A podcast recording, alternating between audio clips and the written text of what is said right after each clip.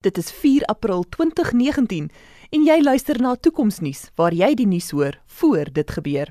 Ek is Jonita Foster en hier volg vandag se hoofberig. Boere soek nou nie net meer vrou nie, hulle het ook 'n nuwe kuberliefde ontdek en met goeie rede. Die nuutste ekonomiese verslag wys dat boere baie meer wins maak as in die afgelope 20 jaar nou dat hulle blockchain inspann.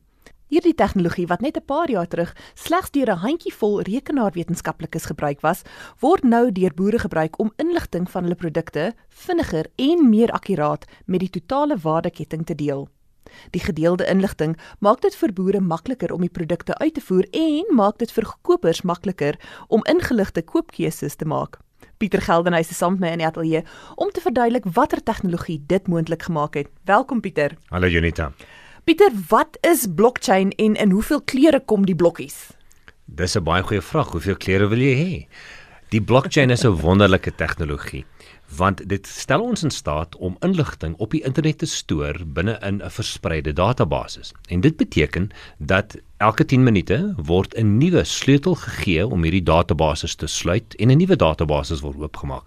En dit beteken dat ons die data kan vertrou wat binne in hierdie database vasgesluit is.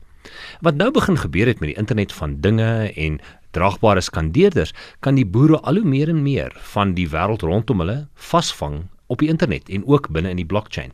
En dit het geweldige waarde want nie net hou hulle 'n rekord van hulle eie data wat hulle vasvang oor die voginhoud van hulle grond nie, maar hulle kan ook die data van dit wat hulle verbou met ander boere deel en ook met ander instansies deel en geweldige waarde ontsluit. So die blockchain is 'n baie belangrike tegnologie want dit stel ons in staat om van ons fone of van ons rekenaars of selfs van ons trekkers af data direk in hierdie verspreide databases te stoor.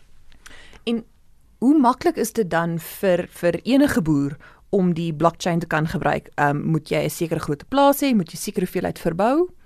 Die belangrike ding is dat jy aan die internet gekoppel moet word. Jy kan die data natuurlik opneem en opneem en later op die internet stoor of op die blockchain stoor, maar die intydse posisie plasing van data is baie belangrik. En ons sien dat slimfone, rekenaars, selfs trekkers en ander toerusting direk gekoppel kan word aan die blockchain.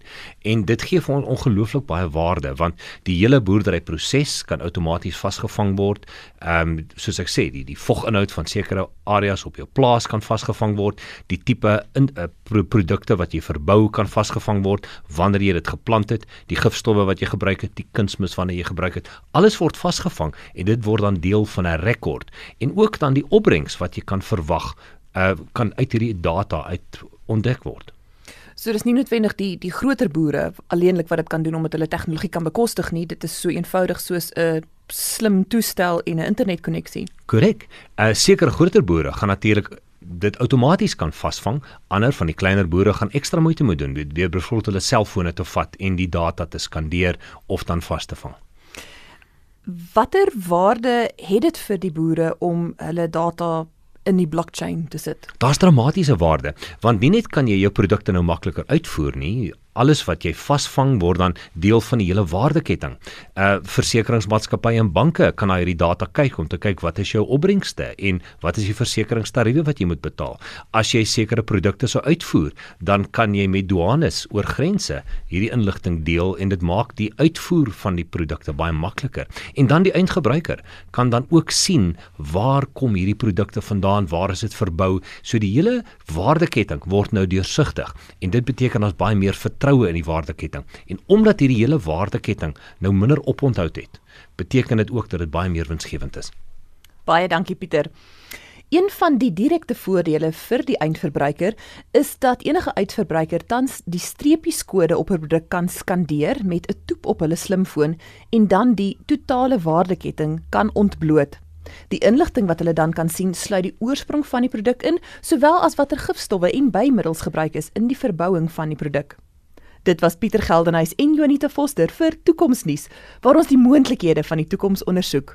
Vir meer inligting oor vandag se episode en ander tegnologieontwikkelinge, besoek gerus die Toekomsnuus Facebookblad.